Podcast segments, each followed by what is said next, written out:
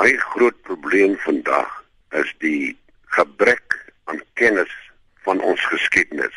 Dr Verwoerd is in die parlement met 'n mes doodgesteek. Meneer Forster is onder heimweevolle tragiese omstandighede het hy bedank in geloof.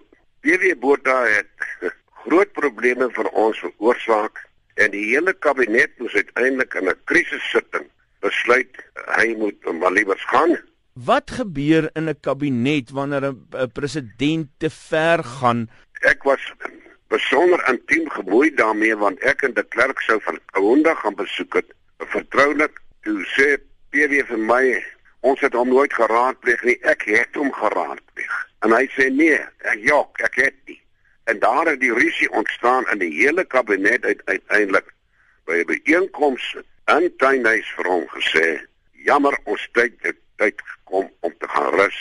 En toe het hy eenvoudig bedank. Is dit moeilik om jou president in die oë te kyk en vir hom te sê, eh, "Meneer die president, ek kan nie meer die pad saam met jou loop nie." Die nasionale party en die ander het wat ons noem Kaukasse gehad. Die ANC het ook maar. En dit is daar in die Kaukasse, die nasionale party Kaukas, wat met alle eerbied betreklik regs gesin. Daar was vir vir die ouens soos ek en Barend te Plessis en David de Villiers en en en sulke mense.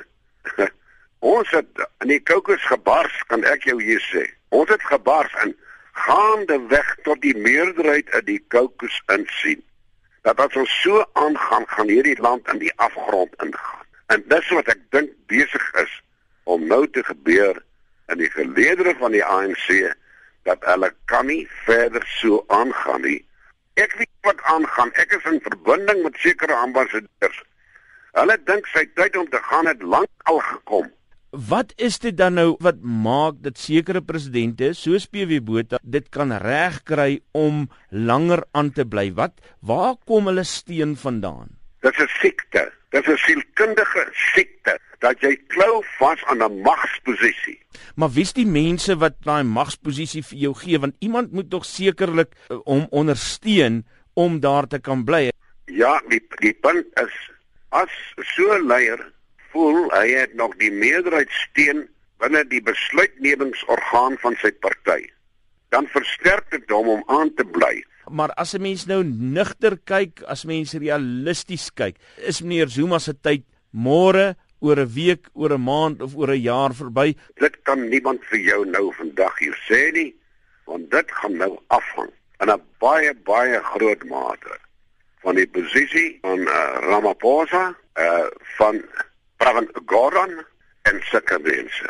En wat ek wel kan sê is dat albei van hulle bevind hulle ook maar uh, op die oomblik en in die onmiddellike toekoms in 'n penarie in die sin dat nie jy of ek en dalk ook nie hulle kan vandag vir jou presies sê wat is die berekening van die ondersteuning in die ANC dat ons kyk wat gaan daar gebeur en dit mag 'n tydjie vat maar feit bly staan moet ek eerlik sê Ek dink die point of no return is is klaar verbygesteek.